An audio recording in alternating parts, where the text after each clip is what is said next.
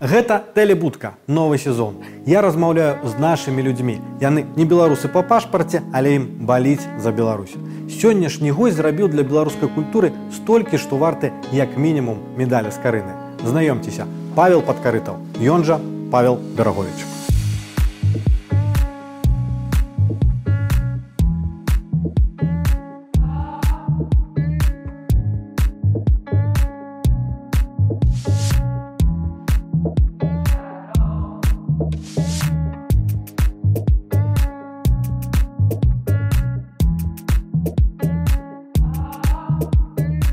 Паша ведаеш твои напэўна ворагі так их назову распавядаюць такі анекдот про цябе заходзіць неяк у бар эстонскі бізнесовец з крымінальным мінулым расійскі апозіцыянер беларускі змагар а бармен им кажа прывітанне павел подкарытаў ведаеш ты яго ці я не знаю але что тут ёсць праўда что домысел Дзякуй. Ну я нешта такое чуў, не пагаджуся з э, вызначэннем крымінальнік, хаця, конечно, факт такой маёй біяграфіі ёсць. Змагар, змагар, змагар апазіцыянер. Я ні ў якім разе не хачу надаваць адмоўнай канатацыі гэтым словам, як это часта бывае. Да? Но я хутчэй бы пазначыў сябе як змагар на такім культурніцкім полі. Што тычыцца як бы майго ну так скажем першага і адзінага пакуль грамадзянства расійскага то так конечно я супраць таго ладу жыцця які зараз ўсё больш і больш пануе ў рассіі ну уласна кажучы таму мы з'ехалі мы пра гэтай лініі твайго жыцця думаю що пагутарым далей мне тут цікава просто зразумець у якіх сітуацыях ты павел берагович а ў якіх сітуацыях ты павел падкарытаў як вось ты гэтую я не веду шизофрэнію сваю тлумачыш А, та сапраўды можа быць тут ёсць цікавы момант для нейкіх псіхааналітыкаў паглядзець хто так скажем хто больш адпавядае маей асобе альбо можа быць сапраўды ўжываюцца две асобы я пра гэта так не задумваўся асабліва калі пачаў выкарыстоўваць прозвішча берагович прозвішча это яно як бы не зусім прыдуманае там з космасу да это прозвішча маей бабулі дзявочая. І калі я адчуў адчуў сябе беларускасць это адбылося не, не адразу то мне падалося больш таким ну нават адпаведным табе да адпаведным рабіць вот нешта беларускае да пазначаючы сябе вось гэтым гэтым прозвішчам. Бок Берагович ты для беларускіх справаў, а падкарытаў ты для ну, бізнесовых так. справаў просто фактично так так. Ты уже згадаў вось, што гэта прозвішча па бабулі так яно звязана якраз з беларускім мінулым тваім мне ў свой час здзівіў гэты факт што ты Беларусь наведаў упершыню ўжо ў сталым узросце калі у кім узросце да упершыню я прыехаў Беларусь мне было 42 гады і што э, в прынцыпе з далёкага уралу ты так чалавек прынцыпе ўсё жыццё пражыўшы па-за беларусю калі ты адчуў вось, вось гэтую беларускую нітачку ў прынцыпе дзяцінстве юнацтве Адразу калі ўжо пачаў там размаўляць і размаўляць з бабулей яна в прынцыпе наказала заўжды што яна з беларусі там. Ну я неяк да сябе гэта не не прымаў на свой конт потому что я был конечно цалкам такі савецкі школьнік.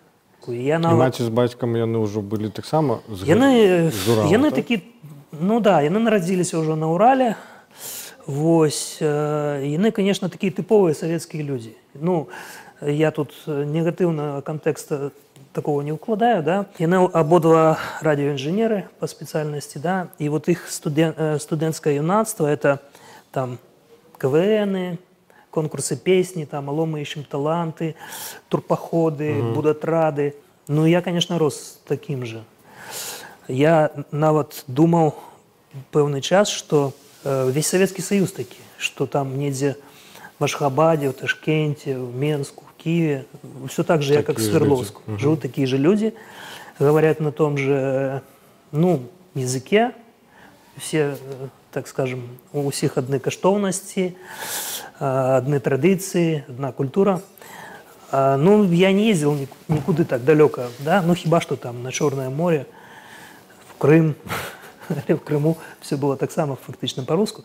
Не, был момент один, когда я там бадзяўся уже недалеко от пляжа и в саюз печатью, в саюз друку в киоску раптам знайшоў дзіцячую дзіцячую кніжку на украінскай мове рекі тікітаві я дагэтуль памятаю гэтая кніга украінская яна зрабіла на мне такі дзіўнае ўражанне э, калі я чытаў э, я не не ведал нейкія асобныя словы але я так агульны сэнс э, улавліваў так скажем да і мне было вельмі цікава вот оказывается рекі тікітаві можна чытаць і вот на нейкам іншым а на беларускаму кнігу калі ты ўпершыню патрымаў у руках да это значно пазней уже было это это уже было там в 2008 годзе это была кніга укладзеная сергеем шапранам дажыць да зялёнай травы ліставанне рэгора барадуліна і васіля быкова калі быкаў быў э, в эміграцыі в ад'ездзе і яны ліставаліся з быкавым фу з барадуліным і барадолін дасылаў да яго са сваімі лістамі вершы ну амаль в каждым лісце там асобны верш я тады толькі пачаў чытаць по-беларускі у меня был слоўнік Таму што шмат словаў я не разумеў Але слоўнік не вельмі дапамагаў калі я намагаўся прадрацца вот, праз вершы рэгора барадуліна то там такія словы якіх нават в слоўніку няма. Так. і я конечно шмат з іх не зразумеў і там націскі ставіў не туды дзе трэба калі чытаў. Ну хіба што там паэтычны нейкі рытм давал падказку як это зрабіць но шмат з іх я толькі потым ужо калі вяртаўся да гэтай кнігі ўжо пачынаў разумець ты згадаў 2008 год у гэты час ты ўжо был у турме наколькі разумею так так Найперш скажы як ты туды потрапіў Ну это была історія якая пацягнулася напэўна з 90-х калі я э, вучыўся в юрыдычнай акадэміі уральскай это былы свердловскі інстытут юрыдычны ну то конечно паўстала пытанне пошуку працы там недзе ўжо на другім на третьем курсе курсе я пачаў шукаць працу і я трапіў у кампанію якую организовали некалькі студэнтаў синх синх это свердловский институт народного хозяйства и это была зусім новая галіна тогда бізнеса і прадпрымальніцтва яны пачалі працаваць на на рынку каштоўных папер які тады толькі ствараўся это был 93 94 год і я далучыўся да іх в якасці ну уже юрыста фактычна у нас была вельмі цікавая праца мы удзельнічалі в чекавай прыватызацыі такая была форма прыватызацыі народнай э, в россии калі кожнаму чалавеку выдалі прыватызацыйны чек і ён мог абмяняць яго на акцыі ну там розных прадпрыемстваў якія выставляліся на гандаль для гандлю альбо здаць свой чек альбо ваучер як ён называўся такі адпаведны прывацыйны фонд і фонд ужо збіраючы гэтыя чекі потым працаваў на рынку каштоўных папер набываў акцыі прадпрыемства там прадаваў і гэтак далей. Вот мы стварылі такой прывацыйны фонд. Ён працаваў з энергетикамі уральскімі з прадпрыемствамі энергетычнага комплекса. Ну нам конечно дапамагалі там так скажем генералы уральской энергетики карацей мы зрабілі такую промышленная группа Урал-Инвестэнерго, она называлась, якая сама владела акциями, да, але фактично это был таки ну, холдинг. Мы, э, мы удзельнічалі і в, в вытворчай палітыкі прадпрыемстваў і в гандлёвай палітыкі там фінансавай канцэнтравалі Э, все эти потоки. И стварылася такая буйная промышленная группа, в якой мы таксама были акционерами. И потом э, атрымалася так, что у нас в компании отбылся конфликт паміж э, партнерами, вот нами, да, кто пачынаў эту справу. Пошла такая борьба за контроль над компанией. И одну из часток падтрымала такая моцная промыслово-финансовая групповка уральская – Уральская горна-металлургическая компания. Яна вельмі ўплывовая, ну увогуле на Урале і нават у Росіі. У ее вялікі там адміністрацыйны ресурс. Я правильно разумею, а ціснуть хотели у вас справу? Да, фактично пришел третий гулец Угу. и вырашил оттиснуть все, так А вы не были сгодны? Ну, и по- конечно, и мы не поэтому были згодні.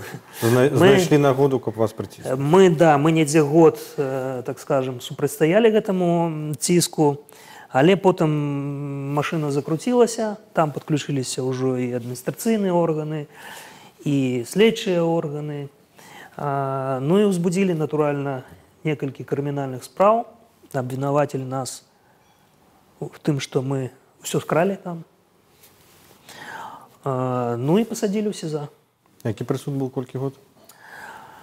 Прысуд быў в тыс- 2001 прысуд 2007 годзе э, это ну мне прысудзілі 5 паловы гадоў пазбаўлення волі але да гэта я ўжо адсидзеў амаль два гады в СІЗО Вось. ну і потым гэтым все не скончылася то бок я не паехаў у лагеры а я застаўся в СІЗО тому что ну мэта не была дасягнута кампанію адціснуць у нас не ўдалося і тады нам ну літаральна вот аперацыўнік які прыходзіў час э, час у СІЗО сказаў што ну не атрымалася значит будет наступная справа па ёй таксама атрымаеце гадоў па 5 потым яшчэ потым мы зробім з вас злачынную групоўку там ну і карацей атрымаеце вы там гадоў 10-15 у выніку калі не пагадзіцеся вось зараз на прапановы ваших апанентаў Пага- Не погодились.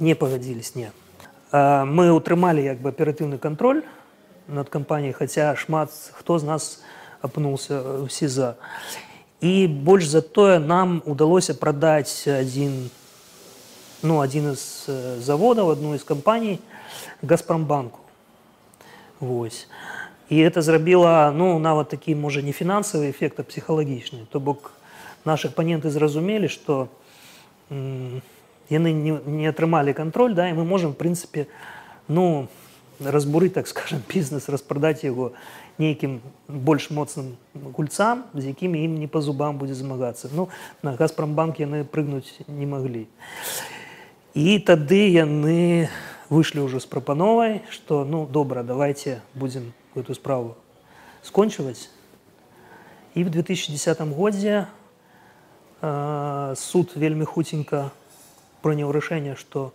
змяніць прыгавор там прыбраць э, вот этот хвост які застаўся заменіць яго на умоўнае пакаранне і тут же адпусціць из зала суда меня прямо это адпусцілі Твои адчуванні вось просто ты ты страціў 5 год як бы, жыцця фактычна гэта шкадаванне што гэта гэта было марнатраўства нейкае ці наадварот ты выйшаў пераможцам конечно трапіць першы раз у сіза это такі абсалютны шок калі я зайшоў у хату ну яна па мерах была прыкладна может быть там 30-40 квадратных метров я не знаю і сидела в ней там 30-40 чалавек і мяне сустрэў такі хлопец ну ён был крыху маладзейшы за мяне вот сказал что ён тут за хатай смотрящий это был такі э, ну рабаўнік ён рабаваў банкі в 90-х годах там дык вот ён так мімаходзь э, сказал мне что ён э, ўжо в сезо тут два гады і я памятаю что меня это так моцна ўразіла я так паду паглядзел вот это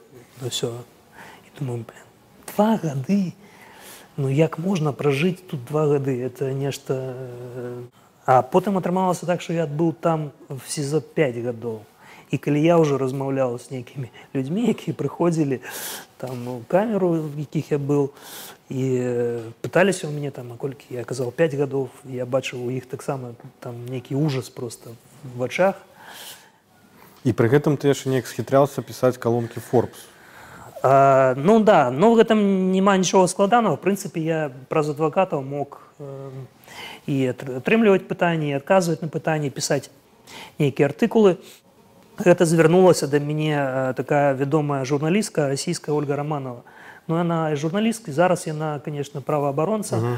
да, русь сидящая вот, uh -huh. вот організацыя ды просто выйшлі папраўкі некія э, прэзідэнта медведева что по эканамічных статьях ну нельга сяжаць э, предпринимателей в зиндан як там и выражаліся что типа посадят в зиндан и вымагают грошай и она звярнулася по мне да каментар скажа павел вот вы уже там амаль два гады альбо три там я уж не памятаю колькі было что вы скажете про эти поправки? Я такую написал довольно резкую колонку, что все это пятое коло до телеги, это указ, но он абсолютно, ну и так и отбылося, что на него просто не звертали уваги. Так вот, это питание, шкодую я альбо не, оно такое шматгранное. Конечно, я шкодую, что пять годов я провел за кратами, я не бачил э, там неба месяцами бывало, да, бачил там зеленого листика. Бывало, когда нас выводили в суд, ну, там, на продление э, срока арешту альбо нечто інше, то было так, что сыходишь с этого автозака, и когда заходишь в суд, то бачишь просто вот это крыльцо суда, тут расте некий там подорожник альбо одуванчик, и ты эти зеленые листики, и вот ты улетаешь некое такое сатары отрымливаешь, да, вот что а ты просто вот засерозишься на этом зеленом листочку и нечто такое отчуваешь космично. Э, такое звольнение, оно приносит больше, напевно, горя ну, твоим родным, сім'ї, батькам, які вже були не молоді, да, у їх ну, там, різні хвороби, маті, яка, звісно, переживає це більше. Це жонка, яка підтримувала мене просто фантастично и там досылала мне листы, где писала просто, что все у нас будет добре, я тебе підтримую, я все роблю, чтобы как это скончилось от моих гудшей. Но я уявляю, колькі это каштавала ёй. Я шкадую про то, что 5 годов я не бачил там сына. Да? Ён вырос с двух годов, когда меня арыштавалі и пошел в школу я вернулся. А про станоўчае? Станоўчае это тое, што я ну, зразумеў нешта пра гэтае жыццё, да, перастаў шмат там чаго баяцца в жыцці. Ну, я зразумеў, што жыццё там такая досыць эфемерная рэч. Сёння оно, оно ёсць, завтра уже няма. Это может адбыцца там самый нечаканы момант. Да? Ну, арыш такой это такая маленькая смерть да, спачатку. Ну, я шмат што прадум... падумаў пра сябе там пра тых людзей, якія меня вакол мяне былі. Шмат прачытаў. Можна сказаць, што ты выйшаў іншым чалавекам на таком пазітыўным сэнсе. Змяніўся змяніўся мой светапогляд. Шмат ад такіх ілюзій я пазбавіўся. Набыў новыя веды, новыя адчуванні в гэтым плане любы досвед э, карысны і тут я на баку больш напэўна солженіцына чым шаламова да? калі вот этот вядомы спор калі шаламаў сказал что в турэмным досведзе лагерным досведзе няма ніякіх станоўчых э, якасцяў адні толькі негатыўныя ну а солженіцын як бы з ім не пагаджаўся і казал что лагер і там турма шарашка шмат як бы далі і я так разумею практычна пасля адразу вызвалення ты вырашыў з'ездзіць у беларусі першую ну так я э, выйшаў на волю верасні 2010 года а ў снежні я уже прыехаў у менск ну это адбылося так тому что я пачаў э, ліставацца з беларусамі з 2008 года з некаторымі супрацоўнікамі нашай нівы журналістамі Потым з іх дапамогай я звязаўся з владимиром орловым і ён нечакана адгукнуўся на мой ліст і так вельмі э, нефармальна я бы сказал да? і у нас завязалася з ім такая вот перапіска сувязь і конечно калі ён даведался что я вот ужо э, выходжу так скажем ён сказал ну калі ласка то вот я запрашаю прыязджаю в беларусь я покажу тебе и Менск, и Полоцк. И, и я приехал фактично до яго в гости. Мне цікава Беларусь, про якую ты чытаў там у газетах, у часопісах, у кнігах, якую ты уяўляў вот, у седзячы ў турме у Екатеринбурзе. А, наколькі она сумясцілася з той рэальнай Беларусь, якую ты ўбачыў на вас вочы? Ну для меня, конечно, Беларусь была ввогуле там тэрра інкогніта, да? я кажу, што ніколі не быў у жыцці в ёй.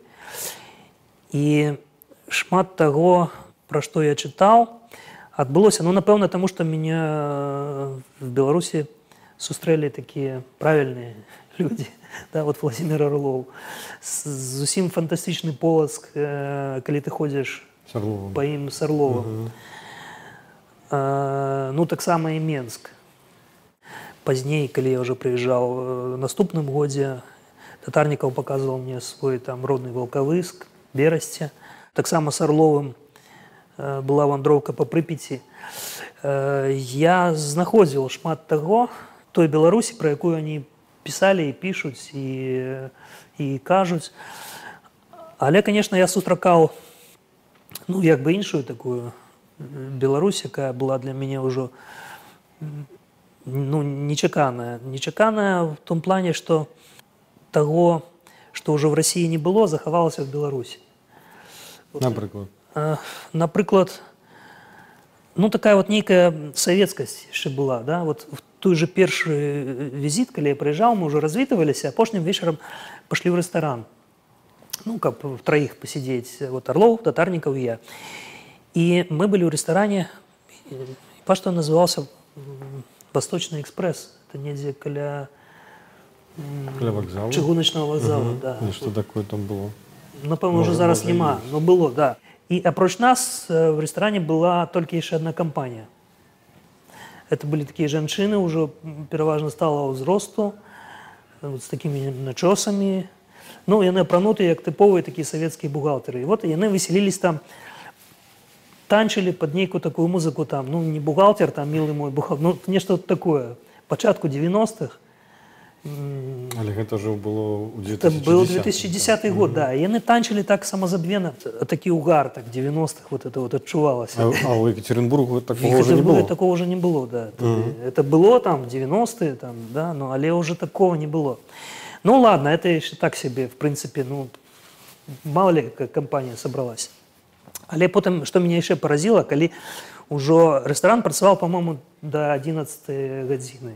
І вот без 15 11 супрацоўнікі рэстарана пагасілі святло паўсюль акрамя нашай вот этого купе апрануліся ўсе в футра там шубы і сталі такія ля выхада і з такім дакорам Ну, они нам ничего не казали, але доглядели на нас, что типа, ну, блин, что вы тут Ну, знакомая ситуация. Так. Да, и вот, и для меня это то, так само дивно так э, подалось. Такое, ну, принамсі, в Екатеринбурге такого уже не было. Тебе не могли так демонстративно показать, что, типа, хопить, выметайся отсюда, тут твой час кончился. Але, в принципе, вот я не могу сказать, что такие совок это вот повсюль. Не, есть хибы, некие проблемы, але так все адекватно. Ну, это было вот чомусь так супала мой першы прыезд і тады мяне это ўразіла які першы беларускі проект культурны які ты падтрымаў калі згадаць самы першы культурны проект это з таварыствам беларускай мовы падтрымка выдання э, часопіса верасень часопісаў які маладыя аўтары якія нідзе не друкуюцца школьнікі студэнты э, могуць надрукаваць свае вершы сваю прозу там п'есы ён дагэтуль існуе это часопіс і там рэдактарам працуе мой сябра эдуард акулін Паэт і э, вельмі адказны рэдактар і ён вот я зараз гартаю калі першы нумары верасня я бачу там шмат імёнаў тых хто зараз э, на слуху. І это был вот такой першы проект і выцікаючы як бы з яго наш с владимиром орловым ну его ідэя і ну і моя так скажем супраца з ім это прэмія дебют таксама для дэбютантаў літаратараў якія пішуць на беларускай мове з гэтых десяткаў праектаў я там ну, так разумею што падлічыць дакладна на будзе складана Магчыма ёсць для цябе нейкі найбольш асабісты найбольш важны ну я згадаю той же дебют менавіта таму это была не просто прэмія што ну вот а далі даніну так скажем літаратурнаму таленту і дзякуй а вот менавіта з фінансавым складнікам Таму дэбют конечно быў першы таким запамінальным проектам узгадаю наш проект заспявай які таксама вельмі ён вельмі такі быў для мяне ну эмацыйны. І это іншыя крыху пачуцці. І заспяваць таксама мне вельмі такі дарагі проект Ну і напэўна адзін з такіх запамінальных праектаў это выданне кнігі арлова айчына это калі першы раз я пабачыў шматчасовыя чэргі Орлов и Татарников проводили презентации, и книги продавались так само. И люди просто стояли 2-3 годины у чарзе до Орлова и Татарников, каб яны подписали этой книжки. Ты можешь сказать, сколько ты инвестовал особисто в белорусскую сучасную а, культуру? Ну, это ближе до миллиона рублей, эти миллион евро? Нет, это, нет, это, конечно, не миллион евро. Ну, коли брать вот э, инвестиции в литературу, музыку, там, да, падтрымку літаратурнага асяроддзя это не миллион, конечно но это может быть сотня тысячаў калі ўжо mm -hmm. взять разом все выдаткі ну, хіба ў рублях может под миллион будзе? а не ну ў рублях конечно і нават беларускіх ну так і э, як ты вот лічыш аддачу так то есть э, ці ты можешь сказать что гэта мэтазгоднае укладанне можно сказать, что это марнотравство, кто-то может сказать, что это марнотравство, но я не могу э, вымерять вот этот эффект да, финансовыми некими мерками. Это ну, несопоставные речи. Ну, я ведаю, что шмат людей так и робили, и робят, и будут робить. Ну, інстытут мецэнацтва ў беларусі быў калісьці але цяпер на жаль э, э, я, я не ведаю я могу памыляцца но напэўна Бабарыка быў мецэнатам в пэўнай ступені і ты гэта все мецэнаты за апошнія 10 год что по-твойму патрэбна в прынцыпе каб у беларусі адрадзілася вось гэты інстытут пытанне такое яно інстытуцыянальна я бы сказал э, каб адрадзіўся інстытут мецэнацтва каб людзі маглі ахвяраваць значныя сумы на культуру для гэта павінна э, быць амаль абсалютная павага да прыватнай уласнасці. То бок кожны чалавек, які займаецца бізнесам, незалежна ад яго памераў. Цы это ларёк нейкі, цы это уладальнік там заводаў газет параходаў, да, ён павінен адчуваць э, сябе ў бяспецы. Што да яго не, не прыйдзе ніхто з указаннямі што яму трэба рабіць са сваім капіталам прадпрымальнік беларусі не адчувае сябе э, ну уласнікам свайго бізнесу альбо пачувае да пэўна да пэўнай мяжы Таму калі гэтага няма то ну э, рабіць гэта могуць альбо людзі якія ну адчуваюць пэўную падтрымку да з боку там дзяржавы альбо Ну, это до пэўнага часу, як той же прыклад з Белгазпромбанкам. Яны збіралі такую вялізную калекцыю жывапісу, ну але потым што зрабілася з ім? Его амаль што там рэквізавалі. Ну альбо это можна рабіць вот так вот, як раблю я, калі мой асноўны бізнес як бы там, недасягальны да канфіскацыйных скажем мер да?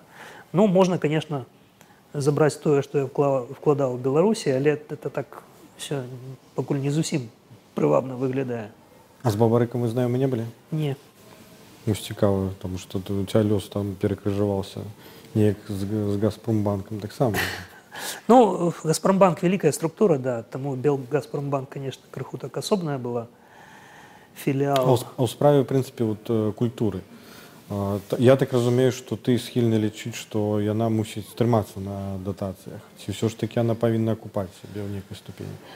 Канешне, быццам бы напэўна можна разлічваць на тое, што культура павінна сама сябе падтрымліваць. Да? Паглядзім там напрыклад захада да, ну, там ці музычныя гурты, паспяховыя мастакі. Але з іншага боку, калі просто ставіць мэтай што кожнае ўкладанне в культуру павінна адбіць сябе эканамічна мы просто выходзім на такое панаванне і засіле там ну масавай культуры але сапраўдныя з'явы культурныя яны самі ну не змогуць выжыць і канкураваць вот так вот на роўнах з маскультам з маскульту так. з маскультам Таму конечно я лічу што іх можна і падтрымліваць не чакаючы вяртання укладзеных грошай ну, хіба галоўнае інвеставанне тваё беларусі гэта напэўна маёнтак падарожку так да калі браць по аб'ёму безумоўна по объему сродка.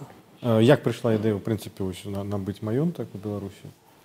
Ну, ідея прийшла доволі спонтанно. Я просто побачив артикул, і я змог туди з'їздити. Там ну, був якраз в Білорусі, поглядів його на місці. І мені от захотілося поспробовать заховать это место от, от разбурения, от леса, там тысячу, может быть, сидзіваў подобных, да, якія фактично страчаны.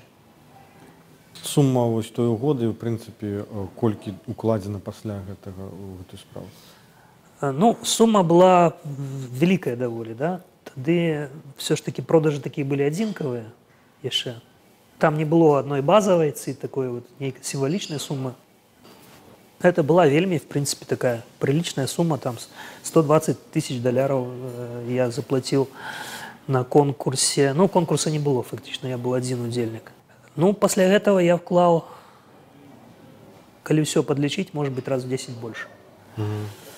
Потому что э, маёнтак, ён, это были только стены, там, да, дах, а лишь зараз э, сучасный будинок – это коммуникации – вот весь этот час, что пройшоў з набыцця, это фактычна было праектаванне першай чаргі камунікацыі перш за ўсё да я ведаю што ёсць ідэя музея шляхты я ведаю што ў прынцыпе ёсць вялікія планы што ўдалося з гэтых планаў што в ўжо перыядзе рэалізацыі а што застаецца пакуль мар да першапачатковая ідэя конечно калі я стал думать, что можно зрабіць з гэтым месцам это организовать там музей беларускай шляхты на жаль конечно все это вельмі так зацягнулася но тут першы конечно такі фактор негатыўны быў для мяне что я э, не меў ніякага досведу працы с такими проектами да і ён конечно вельмі абцяжарены умовамі того что это гісторыка-культурная каштоўнасць то бок его нельзя просто так вот взять и реконструировать довольно хутка. На сегодня я скажу так, что в принципе зроблена э, падрыхтоўчая праца, каб запусціць маёнтку э, ну перш такую неабходную інфраструктуру, каб людзі маглі туды прыязджаць. Это кропка там харчавання, кавярня і сувенірная крама. І в самом палацу палацыкі мы зрабілі ну такую часовую экспазіцыю да не могу, не могу назваць яе паўнавартасным музеем шляхты але гэта экспазіцыя якая в прынцыпе рассказывае про тое что что была шляхта э, в великкам княстве літоўском і калі вот запрацуе першая чарга то мы в прынцыпе сможем прымаць людзей якія будуць прыязджаць там наведаць нашу экспозицию, погулять по парку, посидеть в кавярні. Калі мяркуецца гэта будзе? Мы планавалі зрабіць это в двадцатым годзе. Высветлілася, што крыху там мы паспяшаліся вот с таким с объявой да, запуска 2020 года. Зараз я могу сказать, что в принципе мы вышли вот на той, э, на той шлях, на ту каліну, да, якая дазволіць нам адчыніць кавярню і краму ну, может быть, початку там сезона 25, 22 -го года. У твоей биографии прочитал, что ты маешь две высшейшие эдукации, причем довольно, как по мне, дивные. С чего вось человек вырашае стать политработником? Политработником, может быть, я не, ну, как бы метанакіравана не хотел стать, але я хотел стать офицером военным. У меня в семье не было войсковцев.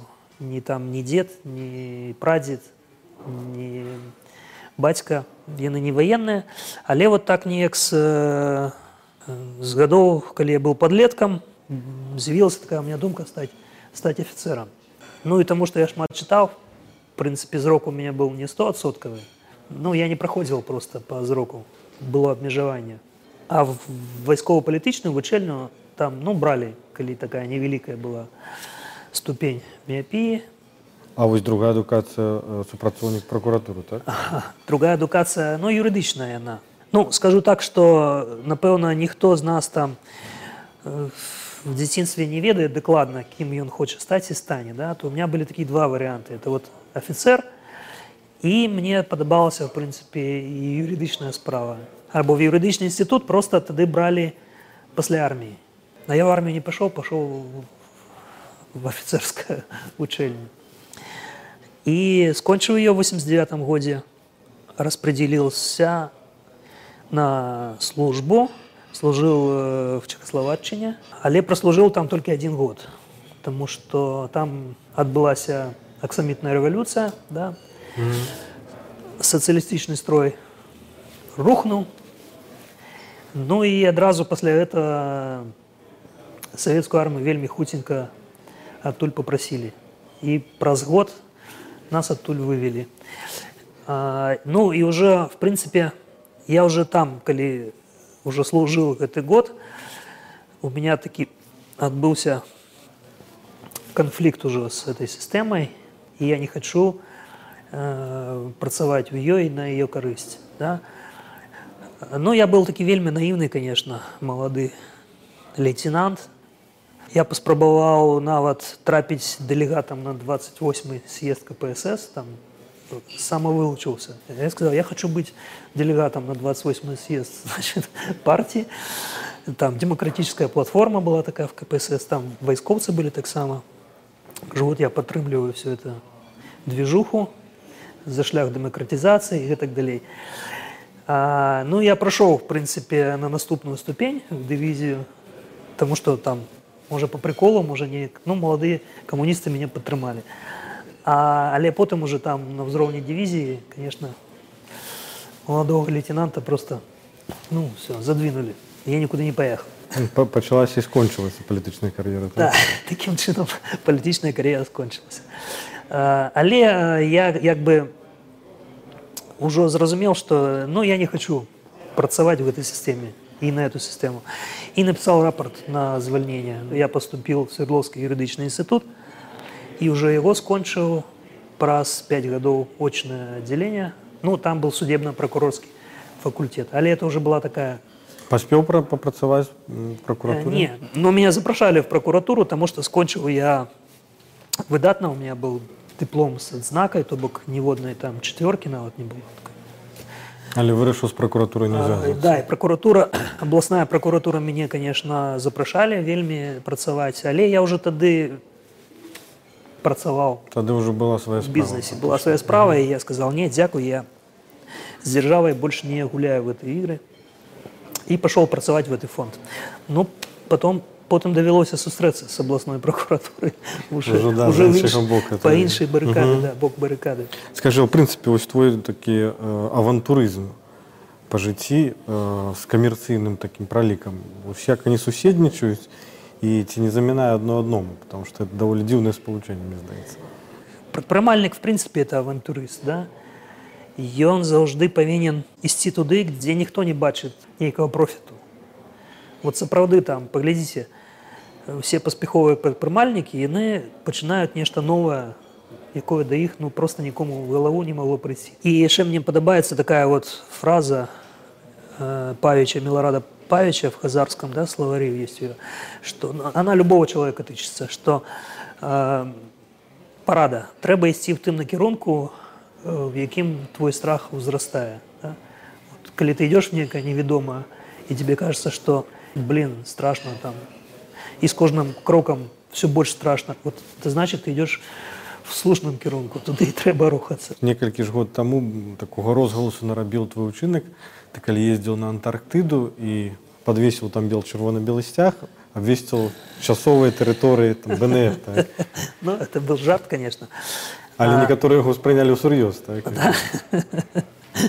ну значит жарт удаўся Антарктида это была одна з таких мараў таксама романтычнага может быть дзяцінства все эти полярныя вандроўкі скотт там амундсен і гэтак далей плюс мора мне вельмі хацелася у сухапутным свердловску неяк трапіць на море там плаваць на караблі на сапраўдна такой магчымасці амаль што не было тады і таму калі я прыехаў талін то ну напэўна адна з першых справаў якія зрабіў это тут пашоў запісаўся ў парусную школу вось атрымаў пасведчанне капітана час ад часу можна конечно взять яхту пакіраваць ей но каб э, займацца этой справай адказна, то трэба прысвяціць і час і, і сілы.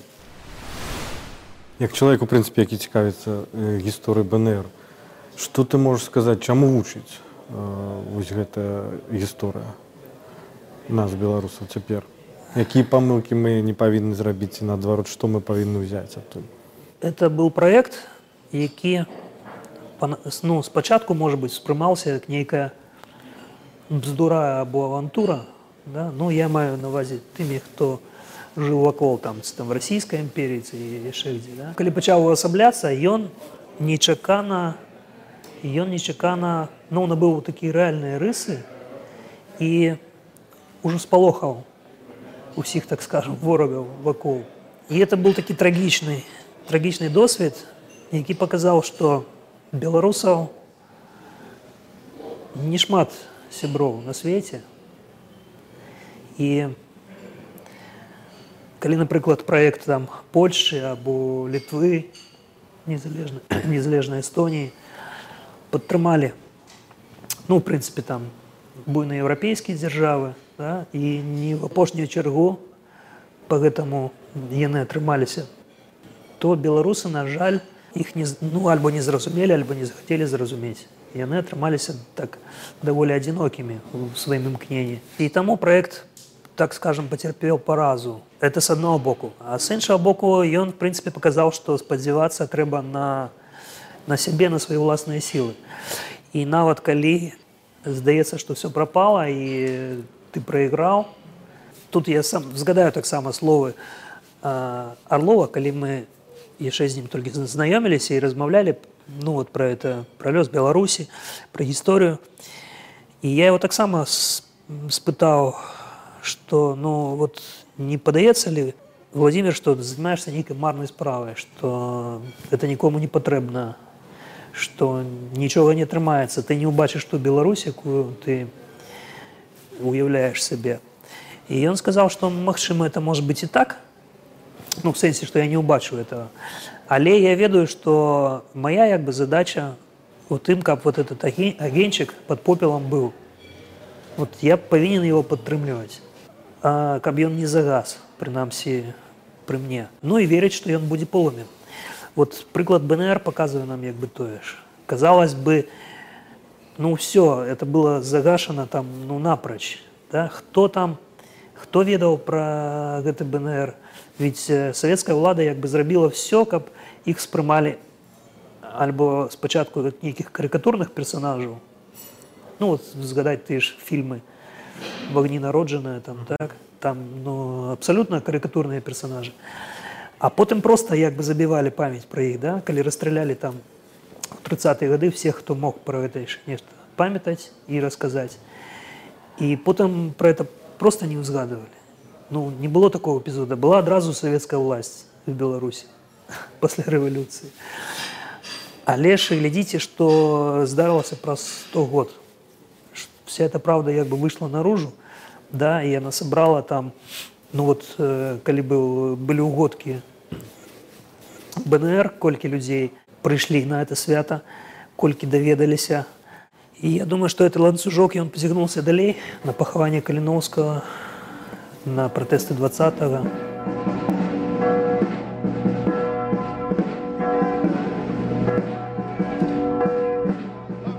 То бок этот агенчик под попелом, и он не сгас, а разгорелся. Но это и рецепт так само и для нас. Ты неаднойчы казаў, што табе не вельмі даспадобы трактоўка нацыянальнай гісторыі, як ее выкладаюць у школах і універсітэтах. Што галоўнае ты бы змяніў якое гучанне якіх тэмаў? Я был бы прыхільнікам того каб все рэчы называліся сваімі імёнамі да каб было шчыра сказано что ну так с сходу э, у нас была заўжды імперія якая пашыралася да? Асноўная мэта якой была пашырэнне уласнай тэрыторыі ідэалогіі і гэтак далей Это першы момант вот это замолчванне сапраўднай ролі рассіі сканчэнне таго этапа які можна назваць гісторыя вКл другі момант это такі упор на 1917 год і бСр як вот пачатак сучаснай беларускай дзяржаўнасці И здесь роль, э, роль, роль БНР, она была крыху так подсвечена державой. Вот в 1100 год да, вышла брошура Академии наук, может быть, пара там артикулов 10. Але все равно роль БНР э, принижается и выпячивается роль вот этой советской Беларуси. Ну и дагэтуль, так скажем, генезис э, белорусской державы, и он шукается вот там, э, в БССР, в Советской Беларуси. Ну и, конечно, зусім ганебный тренд – это просто русификация адукации, перевод предметов на вот там гісторыя Беларусі, шмат якіх школах на российскую мову. Это, ну, это агульны тренд русификации школы, якія, ну, напэўна, перапыніўся крыху на пачатку 90-х, але зараз ён мацнее і мацнее. Ты фактычна жывеш атрымліваецца на тры краіны так Эстонія Польша Россия бываеш часто ў Беларусі можа быть такое складанае каб адразу адказаць пытанне але вот что ты вылучаеш э, што лучыць гэтыя краіны і што вось тотальна іх адрознівае можна вот по адной нават дэталі назіранню з кавярні я не ведаю і я могу адзначыць что такая значная частка беларускага нацыянальнага характара при всей умовности этого, э, этого слова, это повага, повага до того места, где ты живешь. И это то, что моцна адрознівае ну, на таком метафізічным ўзроўні беларусаў эстонцаў таксама да, ад расіян напрыклад для расіян все ж таки больше характэрна вот это пачуццё там дзяржавы там ад брэста до владивостока а что ж тычыцца лучнасці з Польшай, то я думаю, тут галоўнае, што зараз аб'ядноўвае беларусаў і палякаў, это все ж таки пачуццё прыналежнасці да Еўропы еўрапейскай цывілізацыі. Для расіян все ж таки поездка за мяжу это такая пэўная ну, экзотыка. А беларусы яны значна больш часу праводзяць в Еўропе, ну і в літве там і в Польше. І я думаю, што яны адчуваюць все ж таки сваю прыналежнасць да вот этой заходняй еўрапейскай цывілізацыі значна больш чым расіяне а ў будучыні як табе здаецца беларусь адбудоўваць свае адносіны з рассіяй па якім шляху ісці ставіць мяжу в прынцыпе задавальняючы варыянтам быў бы той варыянт які был прыняты на пачатку 90-х это нейтралітет больш-менш добрасуседскія адносіны зразумела што Беларусь і Росію злучаюць шматлікія повязі зараз і род там сямейныя і там нейкія эканамічныя Вось Таму напэўна больш рэальна думаць пра тое каб захаваць нейтралітэт колькі разоў уже з табой размаўляем і в прынцыпе так знаёмы не першы год то але я ўсё до конца не разумею ўсё ж таки што для тебя Беларусь гэта месца нейкага адпачынку гэта месца сілы гэта месца для нейкіх дзіўных неапраўданых магчыма камерцыйнай інвестыцый гэта месца далейшых жыцця можа быць вот ты можаш акрэсліць сам напэўна больш это другі пункт это, это место сілы такое натхнение это место з якімі адчуваю сваю такую містычную духовную повесь А ў Беларусі будучыні той вось новы, пра якую мы ўсе марым, якую ты ролю э, сваю бачыш у ёй. Я бы хацеў займацца тымі ж культурнымі праектамі, да? но дзяржава тут каб не дапамагала, хаця б не замінала. І па-другое, конечно, мне б хацелось, каб э, Беларусь сапраўды стала правовой краінай, да, якая б гарантавала людзям умовы для іх развіцця рознага і бізнес там і ну любого гарантавала сістэму сапраўдна як бы правасуддзя да, як такую ну рэгулюючую сістэму тады ну пацягнуцца туды і грошы і праекты ну і людзі які будуць вкладаць в краіну і адпаведна яна будзе развівацца Ну, вот можа так сумбурна ну, спадзяюся што так яно і будзе Магчыма ты хочаш яшчэ нешта канкрэтнае пажадаць беларускім людзям чаго ім не хапае вось для поўнага шчасця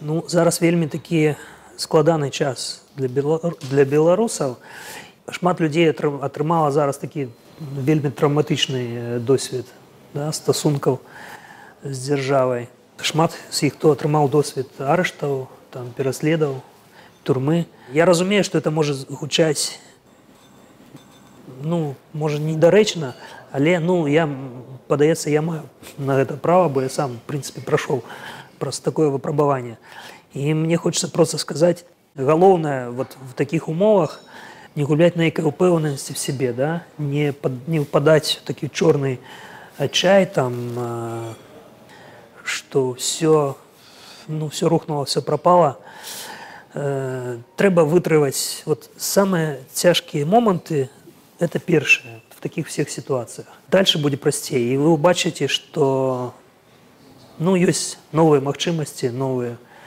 варианты паводзінаў і э, можна захаваць сваю асобу да свои прынцыпы нават знаходзячись вот в таких вельмі цяжкіх умовах Таму просто вот этой вытрымкі трываласці упэўненасці ў сябе і надзеі